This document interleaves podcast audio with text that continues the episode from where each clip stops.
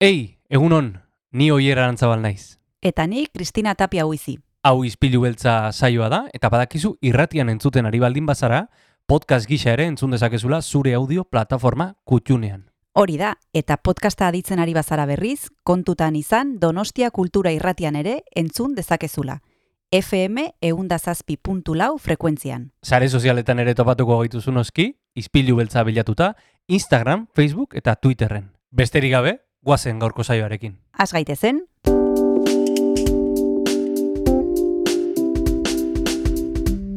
Ispilu beltza. Donostiako kulturaren berri, Oyer Arantzabal eta Kristina Tapia buizirekin.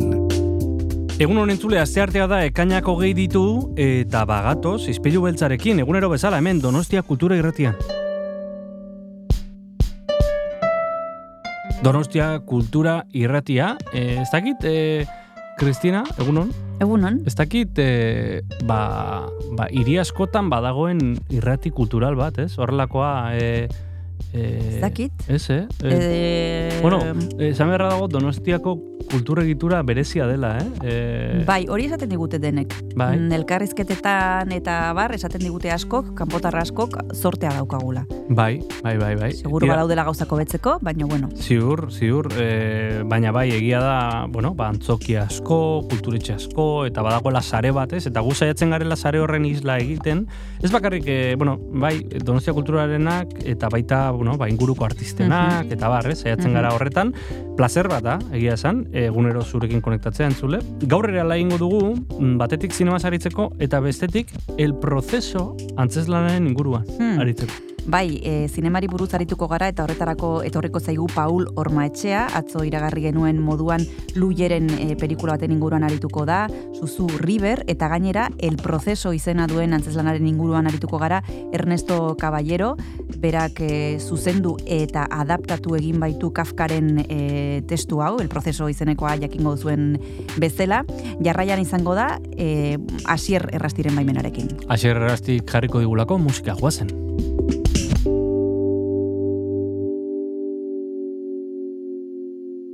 Kaixo entzule egunon, gaurko saioari hasiera emateko hementxe duzue muzak talde gipuzkoarrak plazaratu berri duen bere azkeneko singela, gezur mila.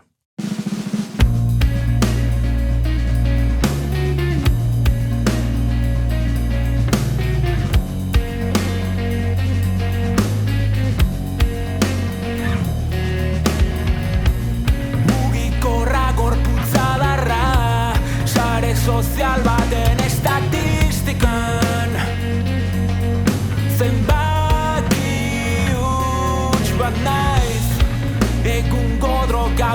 biguna Minuturo behartu dan dosia. Inoren onespena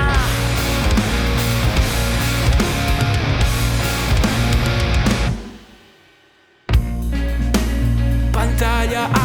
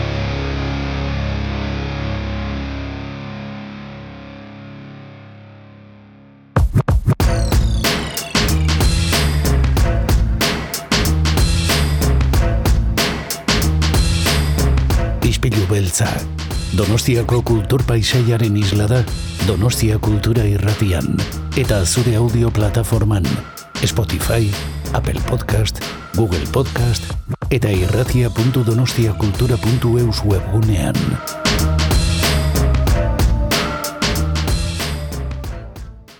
Gaur antzerkiari buruz hitz egingo dugu hemen Donostia Kultura Irratian, el proceso antzeslanaren inguruan aritzeko aukera izango dugu eta bertan Ispilu Beltzan Ernesto Caballero zuzendaria daukagu. Lana ekainaren 24an ikusteko aukera izango dugu Arratsaldeko 7 erdietatik aurrera Victoria Eugenia Antzokian. Egunon Ernesto, ¿qué tal estás? Hola, muy bien, muy bien, encantado de estar con vosotros. Bueno, esta obra eh, que a todos eh, nos suena y que algunos, muchos espero, eh, ya hemos leído la novela de Kafka, es, es, una obra, bueno, una obra peculiar que ahora lleváis al escenario, que ponéis encima de las tablas. Y cuéntanos, Ernesto, lo primero de todo, cómo habéis abordado vosotros esta novela y cómo ha sido el paso del papel al escenario, porque, bueno, así a priori parece algo complejo. Cuéntanos, eh, ¿cómo ha sido este trabajo? Sí, bueno, pues, pues sí, eh, eh, ha, sido un, un, trabajo apasionante en primer lugar y, y, después hay, hay, hay, novelas, y esto yo, yo lo tengo detectado, que encierran un germen de teatralidad. Esta es una de ellas, mm. porque, porque hay un, es, un, es un héroe, finalmente es una tragedia, es un héroe que va eh, transicionando hacia un desenlace final eh, y se va encontrando con muchos antagonistas. Hay muchas de las escenas están dialogadas. Entonces hay, hay una, una teatralidad eh, como encriptada ¿no? En, en, en, esta novela, o por lo menos yo así lo, lo, he visto. Y bueno, pues en ese sentido nada es fácil, pero, pero no ha sido imposible eh, hacer eh, eh, trasladarlo a un, a un esquema dramatúrgico. Y de hecho ya se había hecho, vamos, incluso se ha hecho en cine, Orson mm. Welles tiene un célebre cinta, o sea que, que, bueno, parece que, que, lo pide, ¿no?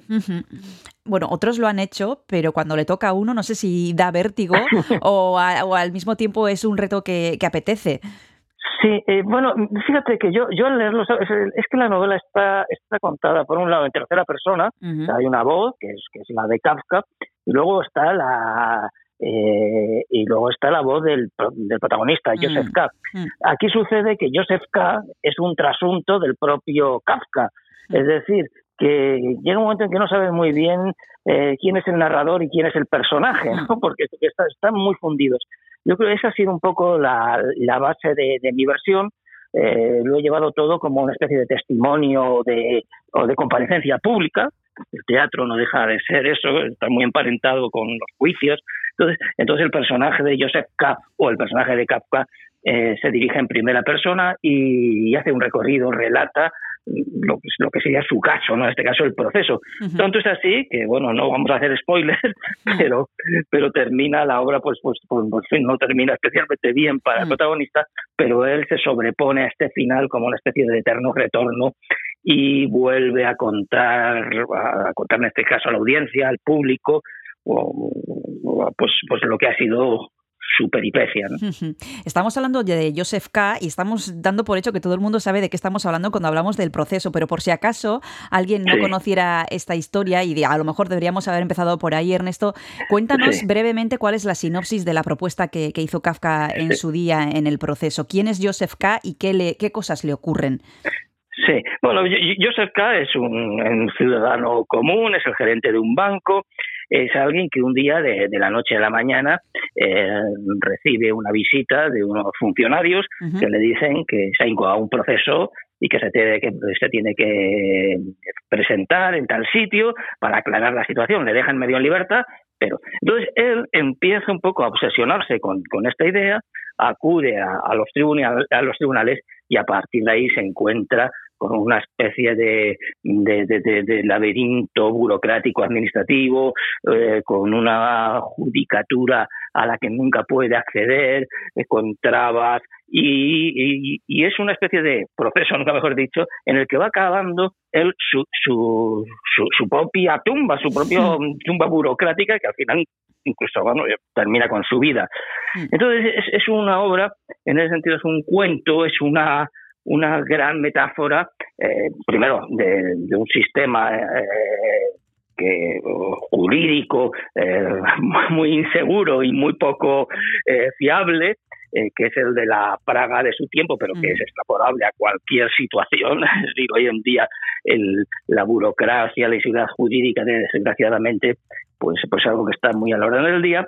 Y luego también, y lo que tiene Kafka de grande, pues eh, toda esta peripecia adquiere una dimensión metafórica, finalmente está hablando de la condición eh, del ser humano, eh, de su vulnerabilidad y de su incapacidad para comprender los mecanismos que operan en su, en su ámbito social. Entonces, esta, esta obra es la que ha dado, mm, es una de las que ha dado eh, pie a eso que ahora está, ahora que llamamos eh, lo kafkiano, ¿no? Cuando decimos es que esto es muy kafkiano, pues es eso, es esa mezcla de absurdo y de y de impotencia eh, ante los entramados diversos de, las administraciones, de la burocracia, del poder, en definitiva. Vamos a seguir hablando de este trabajo que tendremos ocasión, como hemos dicho al inicio, de disfrutar el próximo 24 de junio. Nos vamos a tomar un pequeño descanso y continuamos enseguida.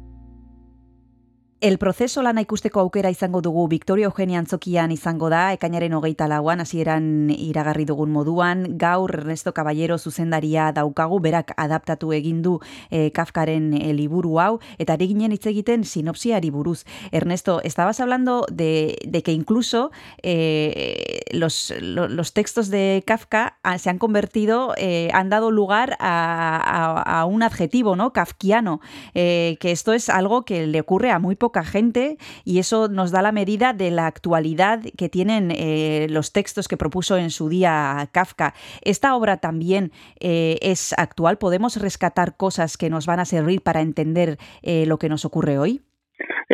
Completamente, completamente. Además, desde lo más, de, desde lo más inmediato, a mí me, ha llamado mucho la atención las reacciones, los comentarios, porque es una, es una obra muy jugosa que da mucho para hablar. Es una obra para, para, para después disfrutarla, no solamente durante la representación, sino mm. después, ¿no? Porque entonces, entonces, es curioso porque porque me llega, eh, hay quien ve su anécdota más, más inmediata. Pues ay, Dios mío, si es que esto es lo mismo que cuando he intentado darme de baja en no sé qué compañía telefónica, desde, desde eso hasta quien ve, pues bueno, pues todos los, los, los eh, problemas eh, que tiene o litigios que tiene con, con las distintas administraciones, o incluso porque hay un, hay un elemento que es, es, es, muy interesante en la obra, que es un elemento eh, filosófico, es decir, hay un,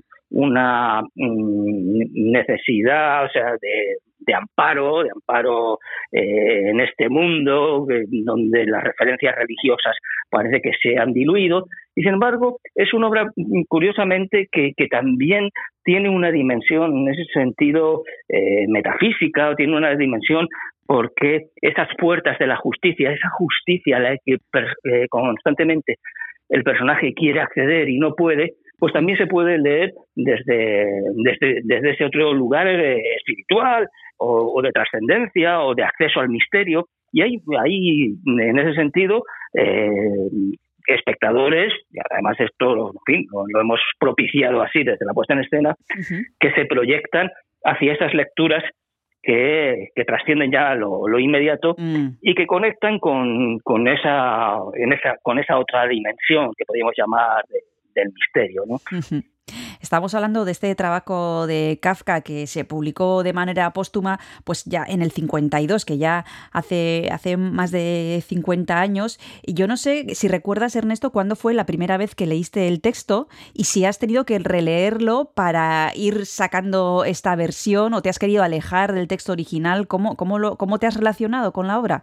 No, sí, lo, lo, lo, lo leí en su momento, es decir, cuando, cuando uno lee, cuando uno se, se inicia a leer, o sea, mm. Textos canónicos que, que lee la, la metamorfosis. Pero siempre, siempre me ha gustado porque Kafka tiene algo, eh, es, es, es un es un autor eh, que es, es, muy inquietante, ¿no? Porque, porque sí. es un autor que, que, por, que por un lado es, es como si eh, exacerbara lo más lo cotidiano y encontrara eh, lo, lo, casi el, el, el, surrealismo o lo, o lo expresionista en, en, elementos muy cotidianos y, está, y, y lo escribe con unas con una eh, en fin, elocuencia y con, que, es, que es muy demoledor y, y, atrapa mucho. A mí me atrapó en su momento cuando, cuando, cuando leí eh, desde sus relatos, evidentemente la metamorfosis, uh -huh. el proceso, el castillo, y ahora, claro, yo, yo acariciaba esta idea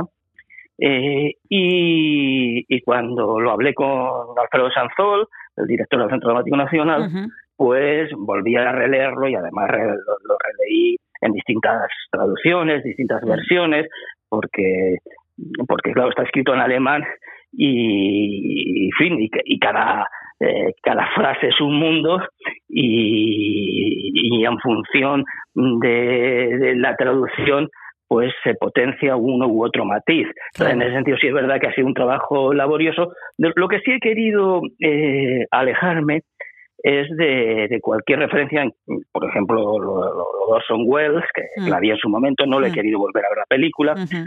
y he tratado también de olvidarme de algunos montajes, yo he tenido ocasión de ver. Algunos generalmente son más gestuales, mm. pero sí he querido un poco borrar y conectarme directamente de una manera más directa con, el texto. ¿no? Vamos a seguir hablando de este trabajo y de esta propuesta que nos va a traer Ernesto Caballero junto con todos los demás compañeros al Teatro Victoria Eugenia. Nos vamos a tomar el segundo y último descanso y continuamos enseguida.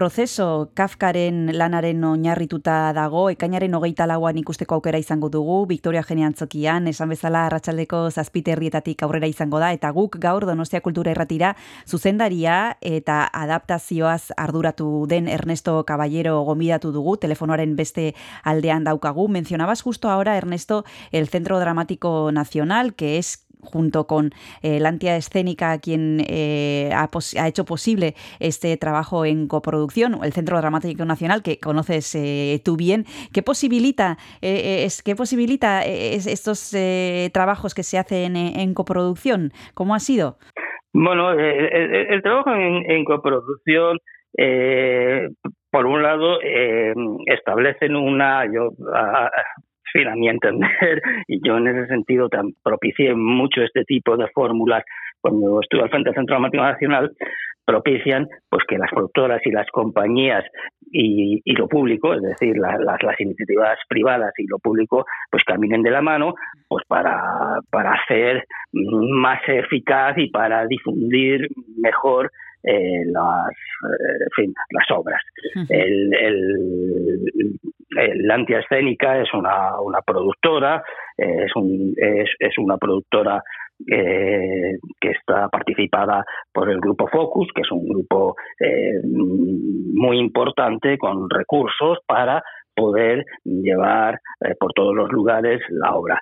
Es verdad que las, las producciones del Centro Dramático Nacional tienen por diversas eh, razones que, que, sería, en fin, largo y tendido de, de, explicar, tienen hoy por hoy muy limitada su posibilidad de salir de Madrid. Mm. Y esto es un esto es algo que se tendrá que corregir, que me consta que, que se está tratando de, de corregir, y, de, y una de las maneras de corregirlo pues es establecer este tipo de colaboraciones con las eh, compañías o con las productoras para eh, poder llegar a todas partes, ¿no? Uh -huh. Y en ese sentido, pues, en fin, creo que, que la fórmula eh, pues, pues, funciona y hoy por hoy pues es muy en fin, muy beneficiosa para todos. Estamos hablando de la producción, hemos, también, hemos hablado también de cómo ha sido el trabajo de pasar del papel al escenario, este trabajo de Kafka, el proceso. También me gustaría citar a los actores, eh, cuentas con Felipe Ansola, con Olivia Baglibli, eh, Jorge Basante, Carlos Hipólito, entre otros muchos. Eh, ¿Tenías claro desde el principio que iban a ser ellos y que cada uno de ellos interpretaría el papel que le ha tocado? ¿Ha sido difícil el casting? ¿Te los has ido encontrando por el camino? bueno, eh, eh, cada, cada, vez eh, tengo más claro que, que más que, bueno, la forma con la que yo elaboro los, eh, eh, los repartos, eh, pongo más el énfasis en crear equipos uh -huh. que en, en, en, buscar las individualidades, yeah. esto de este, este yeah. personaje, este actor me lo da o no me lo da, todo, todo eso yo creo que es más importante el teatro. El teatro es un es un arte colectivo donde de forma colectiva se lanza una propuesta tanto literaria como escénica y para eso tiene que haber pues eso, pues mucha, eh, como dicen en el fútbol, ¿no? Es decir, eh, hay que eh, trabajar, hay que dejar la, la individualidad para trabajar por, por el equipo. ¿no? Entonces, es, es verdad que, que en ese sentido lo que he buscado son actores eh, completos, actores capaz, dúctiles, versátiles, inteligentes, con sentido del humor, porque la obra tiene un humor eh, soterrado, y bien avenidos y, y, en ese sentido y, y, alegres porque cualquier proceso de creación escénica si no se acomete desde la alegría y desde la confianza pues está abocado al fracaso. Y en ese sentido estoy muy, muy, muy satisfecho. A eso, pues claro, evidentemente tengo que añadir pues la, la gran, el gran privilegio, la, la, la suerte de que un Joseph K., un, protagonista um, con tantos matices y con tantas aristas, pues, pues lo pueda eh, asumir un actor como Carlos Hipólito, mm. pues esto, claro, es, eh, es muy, muy, muy, lo hace, lo hace todo muy fácil y muy placentero. Uh -huh. Y así ha sido, ha sido un viaje, pero insisto, desde ese lugar de compañía, más que de pasar en las cibeles de individualidades. Estamos hablando con Ernesto Caballero, una persona que conoce bien el sector del teatro, que lo conoce desde muchos ángulos, pues como estamos hablando ahora eh, como director, como dramaturgo, también profesor, también ha tenido responsabilidades en la dirección de instituciones. Eh, hemos tenido un punto de inflexión, podríamos decir, eh, el que ha supuesto la pandemia, Ernesto, en esta trayectoria de los últimos años. ¿En qué momento dirías que se encuentra ahora mismo el teatro español? ¿Cómo lo ves? No sé si puedes verlo, porque el otro día hace poco hablábamos con otro dramaturgo que nos decía es que yo estoy dentro del bosque y no puedo decir cómo es el bosque, pero no sé si tienes alguna opinión al respecto. ¿Cómo, crees que dirías que es, ahora mismo la situación del teatro aquí? Bueno, eh, vamos, voy a, aventurar, aunque evidentemente, eh, claro, estoy, estoy, estoy dentro del bosque, como decía el compañero, pero no te puedo decir que eh, en primer lugar hay una situación profesional, hay una situación como, como, como sector profesional que hay otra eh, artística y hay otra que tiene que ver social con, mm. respecto al público. Mm. Esas tres, vamos a, hacer un resumen de las tres. Eh, la primera, eh, mal, mal, francamente mal, porque a partir de la pandemia y a partir de las crisis se han los, los, presupuestos se, han, se han reducido se han reducido sobre todo y eso es importante los presupuestos públicos sobre todo se han reducido en la parte más débil y la menos organizada del sistema teatral, que es el de la creación, el de los creadores, el de los artistas. Entonces, claro, para mantener estructuras, eh, después de la sacudida de la crisis, pues de, algún lugar había que sacar, de algún lugar había que arañar. Y ese lugar al que se ha arañado tiene que ver con, el, con, con todo lo que es pagar el escenario, es decir, artistas, programaciones, y en ese sentido se ha jibalizado la oferta y tampoco se ha facilitado una alternativa que, mm, que, pasara por otros lugares que no fueran solamente, sola y exclusivamente el teatro público. Entonces el teatro público ahora se ha quedado muy diezmado económicamente y todavía no, no hay brotes verdes hmm. para que surja una alternativa. Eso por un lado. Bueno, no me enrollo mucho. En cuanto, en cuanto a la creación, cada vez es, es una cosa, es verdad, vivimos en un momento de grandísimo, eh, de gran diversidad, mucha calidad en ese sentido. Eh, estamos eh, muy, muy, muy eh, en, fin, en unos niveles muy altos de, calidad artística.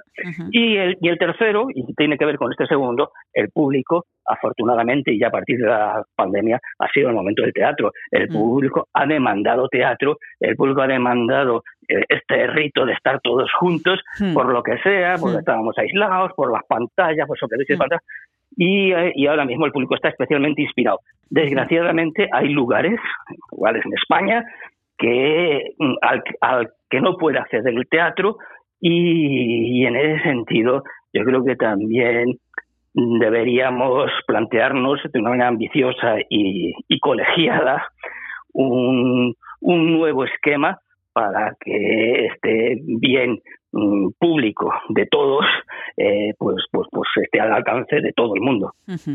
Bueno, pues el rito de estar todos juntos eh, lo podemos disfrutar si queremos eh, ver el proceso, desde luego que es la obra de la que estamos hablando hoy con Ernesto Caballero.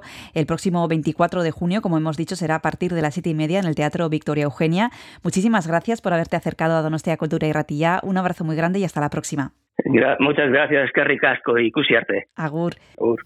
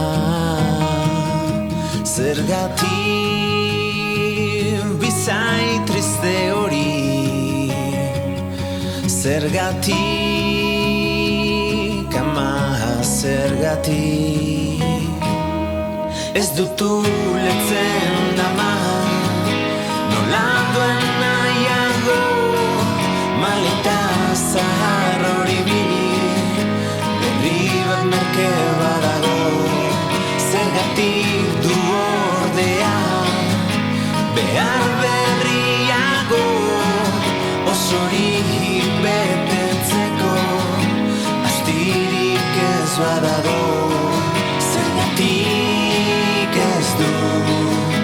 Begiratu nahi leiotik Ikusten dituen Laio ez zaratago Zergatik ez du.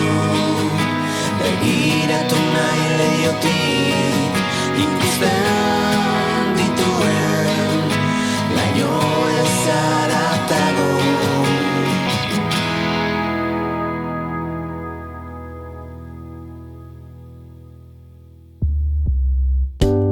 Gogoratu izpilu beltza entzuten ari zalera Donostia Kultura Irratian, baina nahieran ere topatu dezakezula podcast gisa gure saioa. Edozein audio plataformatan arpidetu eta Kristina Tapia Uizi eta biok asko eskertuko dizugu.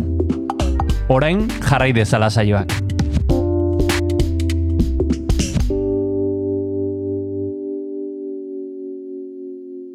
Egunon entzule gaur aste artea da eta badekizue kurtso guztian zehar aste artero itzordua izan dugula izaten ari garela e, zinebari buruz aritzeko kresala zineklubeko lagunekin. Gaurkoan eta aspaldiko partez orain ari ginen aipatzen justu hori grabatu baino lehen Paul e, ormatxa daukagu e, telefonoaren beste aldean. E, pelikula eder baten inguruan arituko zaigu gaur. Susurruber e, izena du. Txinatik dator eta zuzendaria da Lu Ye. Egunon Paul, zer modu zaude? Egunon, Kristina, ba oso ondo. Ja azken aurreko saioa dugu, kurtsoko azken aurrekoa. Así que, bueno, Bueno, Txinako pelikula bat e, ekarri duzue gaur, Suzu River izenekoa, eta asteko Paul jakinaiko genuke e, zer kontatzen duen e, zuzendari honek, e, luiek e, historia hontan zein da pelikularen sinopsia. Ba, pelikulak bi historio kontatzen ditu, biak amodiozko historioak dira, bata da narratzailearen historioa, hor emakume bat ezagutzen du eta bueno, bien arteko erlazioa, eta gero horren barruan beste historio bat kontatzen da, beste bikote bati buruz, e, Mardar eta Moudan, eta spoiler handirik egin gabe, ba, gero bi historio horiek gurutzatu egiten dira. Eta gutxi gora bera hori da sinopsia oso labur kontatuta hori izango litzateke. Mhm. Historiak, e, historiak kokatzen da Sangain, ez? E, gaur egun e, kokatzen da, eta ez dakit e, zuri zer, e, zer karrapatu zaituen, zer da gehien gustatu zaizun historia hontan, ze horra sinopsia zu kontatu duzun moduan oso gauza simple bat ematen du, amodiozko historio bat, e, baino ze- ze- zer dauka pelikula honek? Bueno, esan behar da pelikula 2000 garren urteko pelikula dela, gertatzen dena da bere garaian etzen estrenatu, orain e, restauratu egin dute, eta ba, lehen aldiz iritsi da gure gana, nik ez nuen ezagutzen pelikula, e, eta zuk esaten duzun bezala Shangaien kokatzen da, e, Suzu ibaiaren e, inguruan, Eta, bueno, pelikula nahiko berezia da e, forma aldetik, eh, esango genuke. E, hasieran pertsonaietako bat e, narratzailea dena bere kamararekin doa, hau da, bera doa grabatzen, e, pelikula hasten da ibaiarekin, eta hor ibaiaren ondoan sortzen diren istorioekin, eta gero hortikan sortzen da pelikularen historia, ez? Eta hor, em, daukana niri gehien narrapatu didana da nola historiak eh, sortzen diren alde batetik errealitatetik, entzundako istorioetik, eta beste aldetik imaginazioa nasten, ez? Ah. Eta filmak dauka, naiz eta eh, eh, amasei milimetrotan dago grabatuta, e, dokumental antzeko kutsu badu, gainera, e, e, karo, kamara pertsonaiak berak darama, orduan hasiera batean pixka eta raroa da, badirudi pelikula guztia izango dela horrela eta niri beldur pixka bat ematen zidan, porque mareatu egiten du pixka bat hasieran kamarak, gero, gero beste modu batera e, dijoa pelikula eta, e, bueno, askoz errezagoa da jarraitzeko. Baino badauka hola fikzio eta errealitatearen em, nasketa oso oso interesgarri bat. Eta, bueno, estetika niri asko gustatzen zait, ze naiz eta errealitate edo dokumental kutsu hori daukan, gero e, badauka ere magia antzeko zeo zer, ez? E, Fikzioa sartzen danean, eta e, pelikula ederra, ederra da ikusteko. Eh? Gainera pelikula motxa da, ematen du orain nasketa honek ba igual liatu ingo dula zeo zer, baino ez gero oso ondo ulertzen da trama guztia. E, eta bai, gero estetika aldetikan e, oso pelikula polita da, ezakit neri, neri ba, harrapatu zidan, egia esan. Segituan itzuliko gara pelikula honen inguruan hitz egiten, motxa da esan du Paulek, e, iruro, larogeita iru minutukoa da. Tartetxo bat hartu behar dugu eta badekizue horretarako Pauli abesti bat eskatu behar dio dala. Ez dakit ze pentsatu duzun tartentarako, Paul? Ba, bira, aurkitu dut abesti bat, eh, ez daukela pelikularekin zerikusirik, baino Suzou River izena duna. Eta Ah, bai? oso, entzun dut, eta, bueno, gustatu zait, abestia, de rodeo taldearena da, beraz, ba, guazen horrekin. Ederki, guazen entzutera.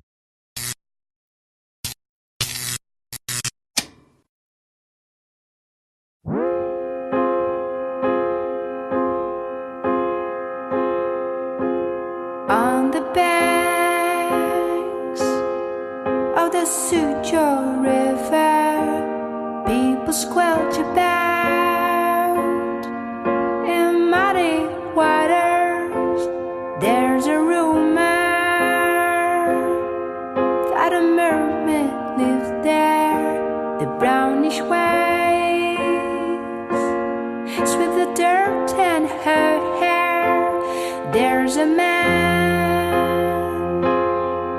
who stares at the streams. He lost his loved one on the tragic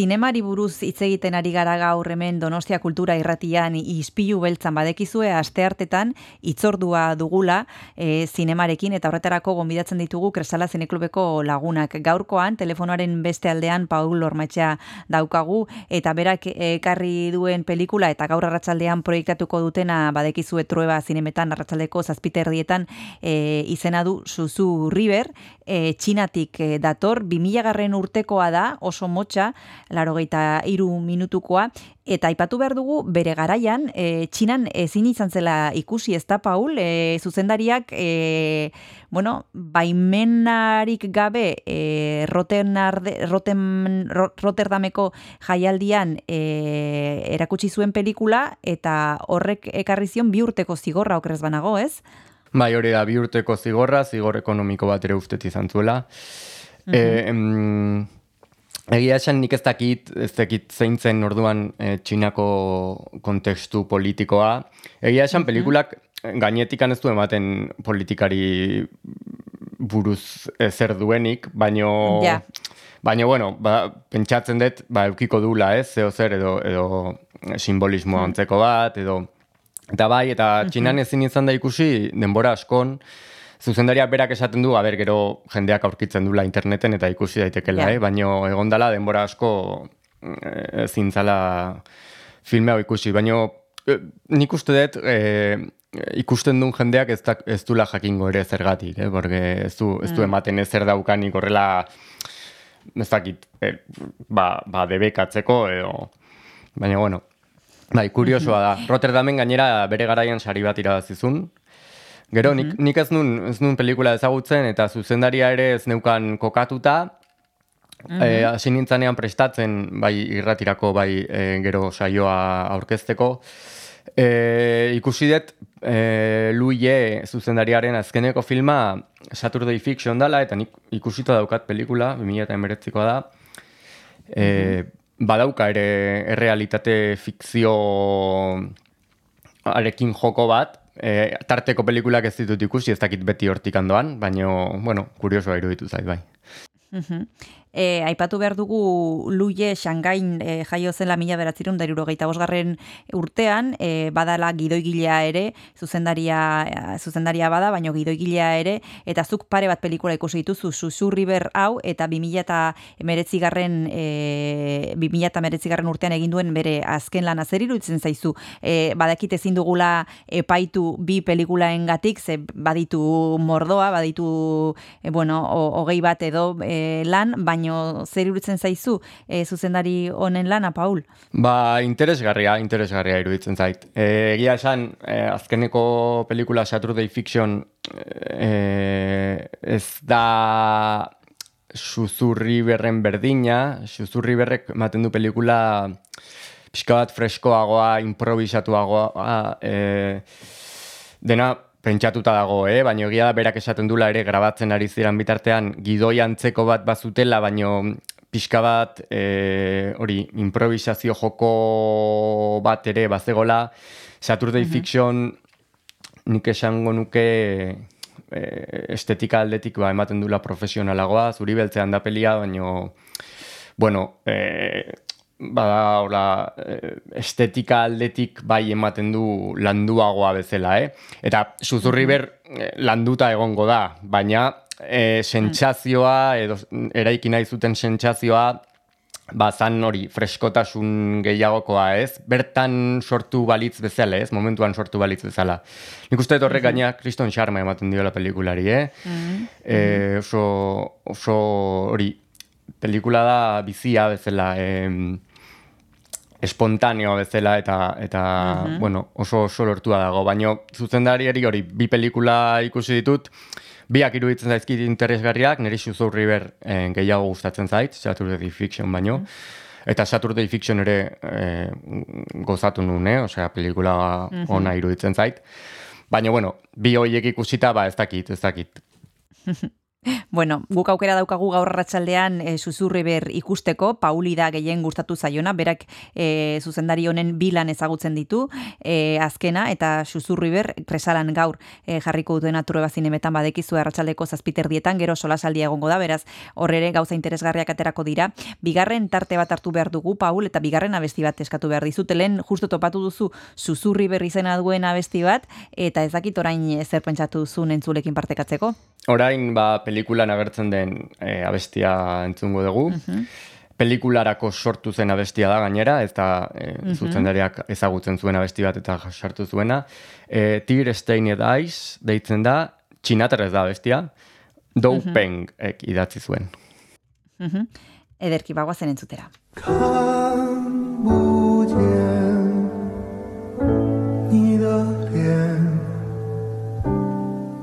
看不见你的眼，恍惚的一片，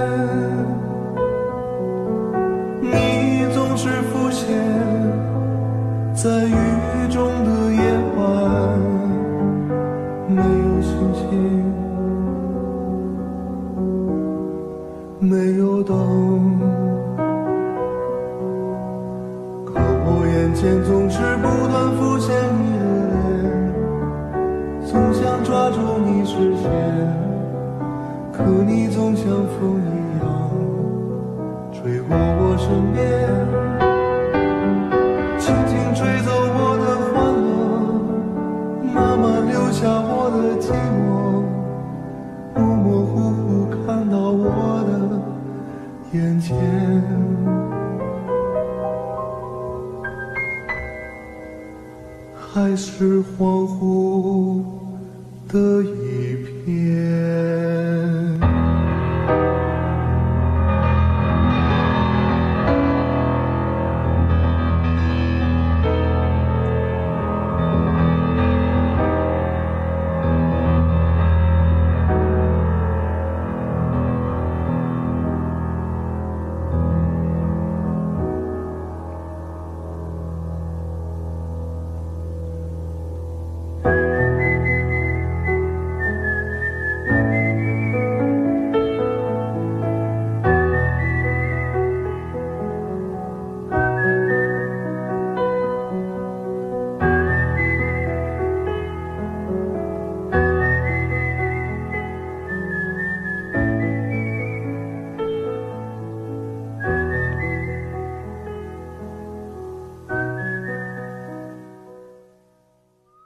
gaur Paul Ormaetxea daukagu telefonoaren beste aldean. Badekizue, gurekin hasieratik baldima zaudete behintzat, e, berak resalatzen klubeko kidea dela, eta ikasturtean zehar, asteartero, e, zinemari buruz aritu garela beraiekin. Gaur, e, Paulek ekarri duen e, pelikula eta gaur arratsaldean proiektatuko duten e, pelikula justu e, Xuzu River e, da. Lu Ye e, zuzendariak e, zuzendutakoa e, Shangaitik Txinatik e, dator. Eta haren aipatu ditugu ezaugarri batzuk e, Paul. E, imaginazioa eta realitatean hasten dira. Amodiozko historio bat da. E, bueno, hainbat gauza eta nik ez dakit gauza horiek guztiak zeinentzat diren. Zuk zeini gomendatuko zenioke pelikula hau? E, edo zeinentzat da, e, ohitura daukaten entzat? E, bueno, nik esango nuke pelikula edo zeinentzat dala, jarraitzeko erreza da, e, bueno, e, e, ez da pelikula geldoa, e, ritmoa dauka, bizia da, egia da, e, ba, batez ere asiako zinema ikus, inoiz ikusten ez duen batentzat, ba, agian, zakit, e, txokatu dezake pixka bat, ez? Baina, bueno, e, badauka hor, e, egin geniola bere garaian atzera begirakoa Juan bai. badauka kutsu bat, E, mm, batez ere... dut hori, bai. Bai, batez ere... zaizu, kompara, komparazio hori. Bai, badauka, badauka. E, bai estetika mugitu horren aldetik, bere batez mm. ere Fallen Angels eta eta e, Chunkin Express eta badauka kutsu bat e, guankaro baiena, e, gero ez da, ez da berdina, baina baita maitasun historioak, eh? eta baita mm pertsonaiek, eta Badauka, badauka kutsu bat. Nik uste dut, guangarbai gustatzen zaienei, ba, ba, gustatuko zaiela eta eta pixka bat izango dela e, ez dakit, e, deskubrimendu bat ez dela. Mm. E, baina bai, nik uste denentzako pelikula badala, eh? Gainera esaten dugu mm-hmm. da pelikula motx bat eta oso bizia da eta segituan pasatzen da, orduan denentzako mm esango nuke dela bai. E, adituek ere kokatzen dute zuzendari hau luie e, zine txinatarren, txinatarraren seigarren belaunaldi horretan. E, badakizue hor, bueno, hainbat zinegile daude, e, zuri zer irutzen zaizu, Paul? Badagola hor olatu hori eta hau bertan kokatzen da, zuzendari hau? Bueno, bai, eske olatua baino gehiago da, nik uste, ba, garai bakoitzean ateratzen diren zinemagileak, ez? Eta garai hontan, ba, ibidez, iazanke, e, eta ateratzen dira, eta e, nire ustez pelikula desberdina da, adibidez, nik beste zine zinegile txirnietar gehiago ez ditut asko ezagutzen, eh? baina jiazanke adibidez asko gustatzen zaiten zinemagilea da gainera, eta badagola hor seigarren olatu hontan. E, desberdina da zinema egia da e, azkenean herrialde berdina dala. eta neri asko gustatzen mm zaiden gauza bada, e, da hor da gauza pertsonala, eh? Mm Baino txinako espazioak laro gehieta margarren amarkada, bimila garren amarkada hasiera hortan dena dago zikina bezala, hmm. e, industriala, e, eta, eta Suzu River horrela da, eh? Osea, dago kokatuta, mm hori, e, toki zikin batean, ez? Eta, eta jende asko, eta ez gustatzen zait, gustatzen zait hor murgiltzen diren historioiek, ze azkenean da, eta hori zuzurri berren egiten du, eta edozein tokitatik atera daitezkela historioak, ez?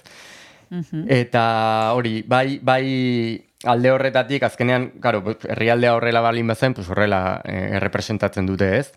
Baina bai, nik esango nuke, seigarren olatu horren barruan dagola gehien bat, ba, ba hor hasitzalako zinema egiten, eta egia da, zinema e, independenteago bat egiten dutela, batez ere hasieran orain jia zanke ja, ba, e, bueno, ja famatua da, eta, bueno, pentsatzen dut beste medio batzu dauzkala, baino bai egiten zutela zinema bat ba, kalean, ez? E, mm. Eta, eta bai, bai, ba, hor kokatzen dute, pentsatzen dut azkenean garai bateko zinemagia direlako.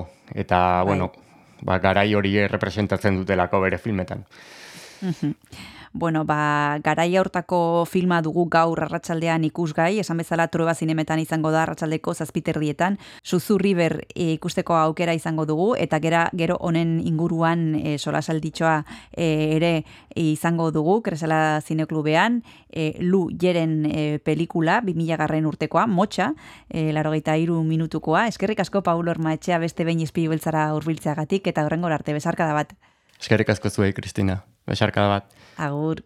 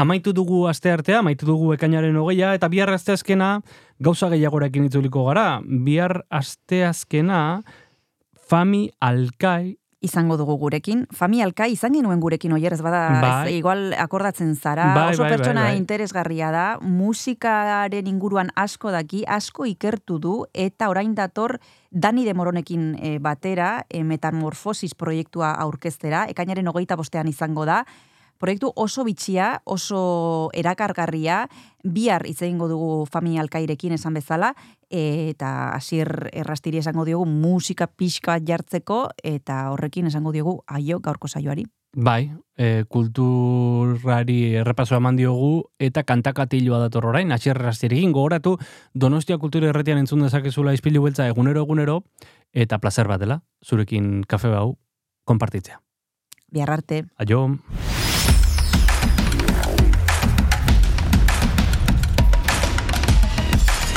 Donostia Kultura Irratia. Zabaldu gurekin Donostialdeko kulturaren leioa.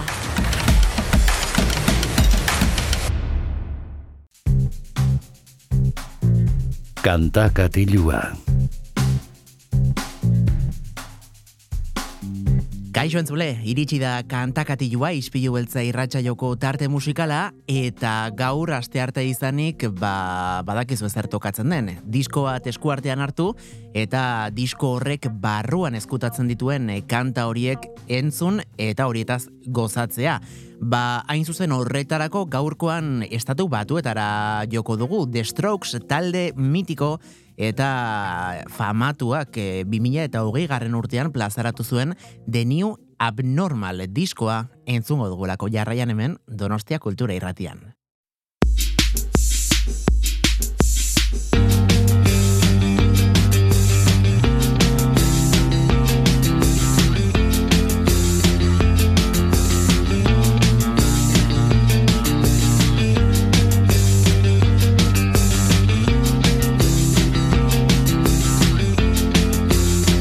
They've been saying you're sophisticated.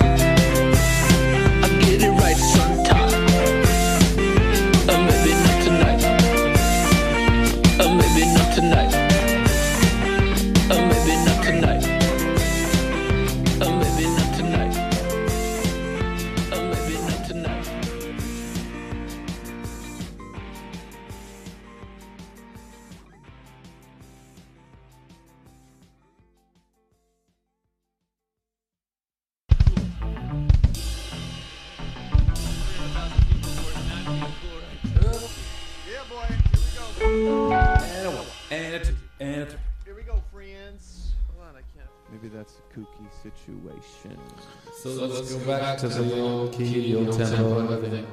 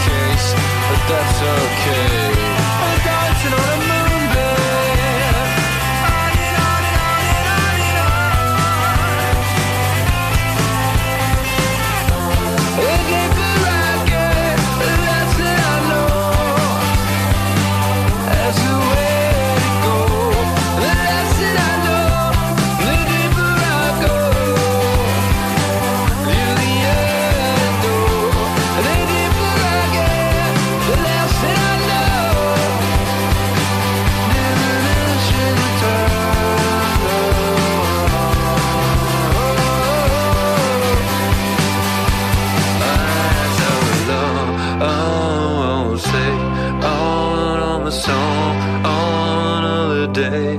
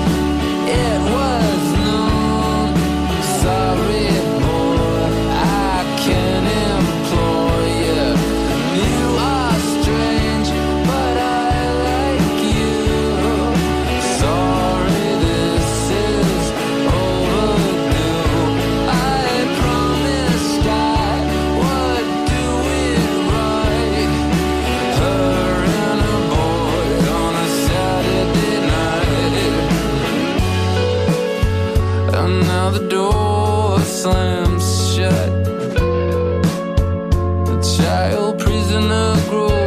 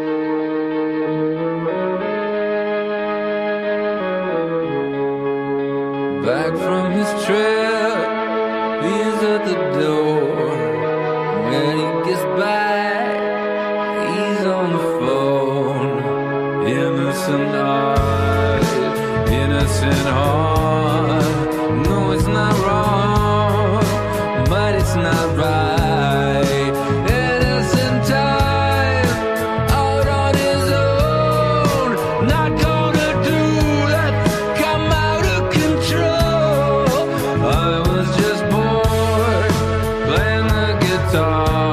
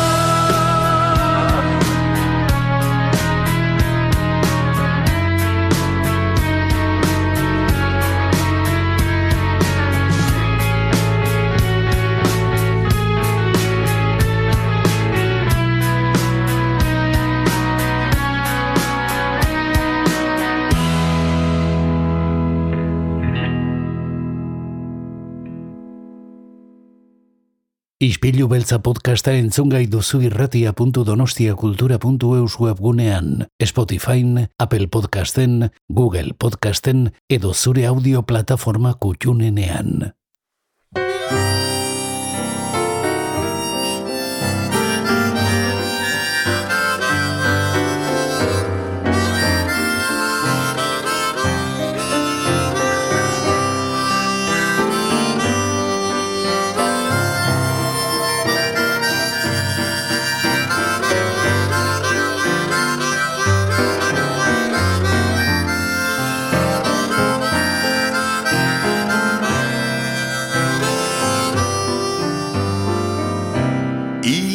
Iparraldeko portu zaharra ekar dezagun kantara. Kale bustien sentimendua. Eda lontzien ikara marinelen hitz arrotzak guaina. Ginebra onaren dirdira. Gau biluzia sartzen zitzaigu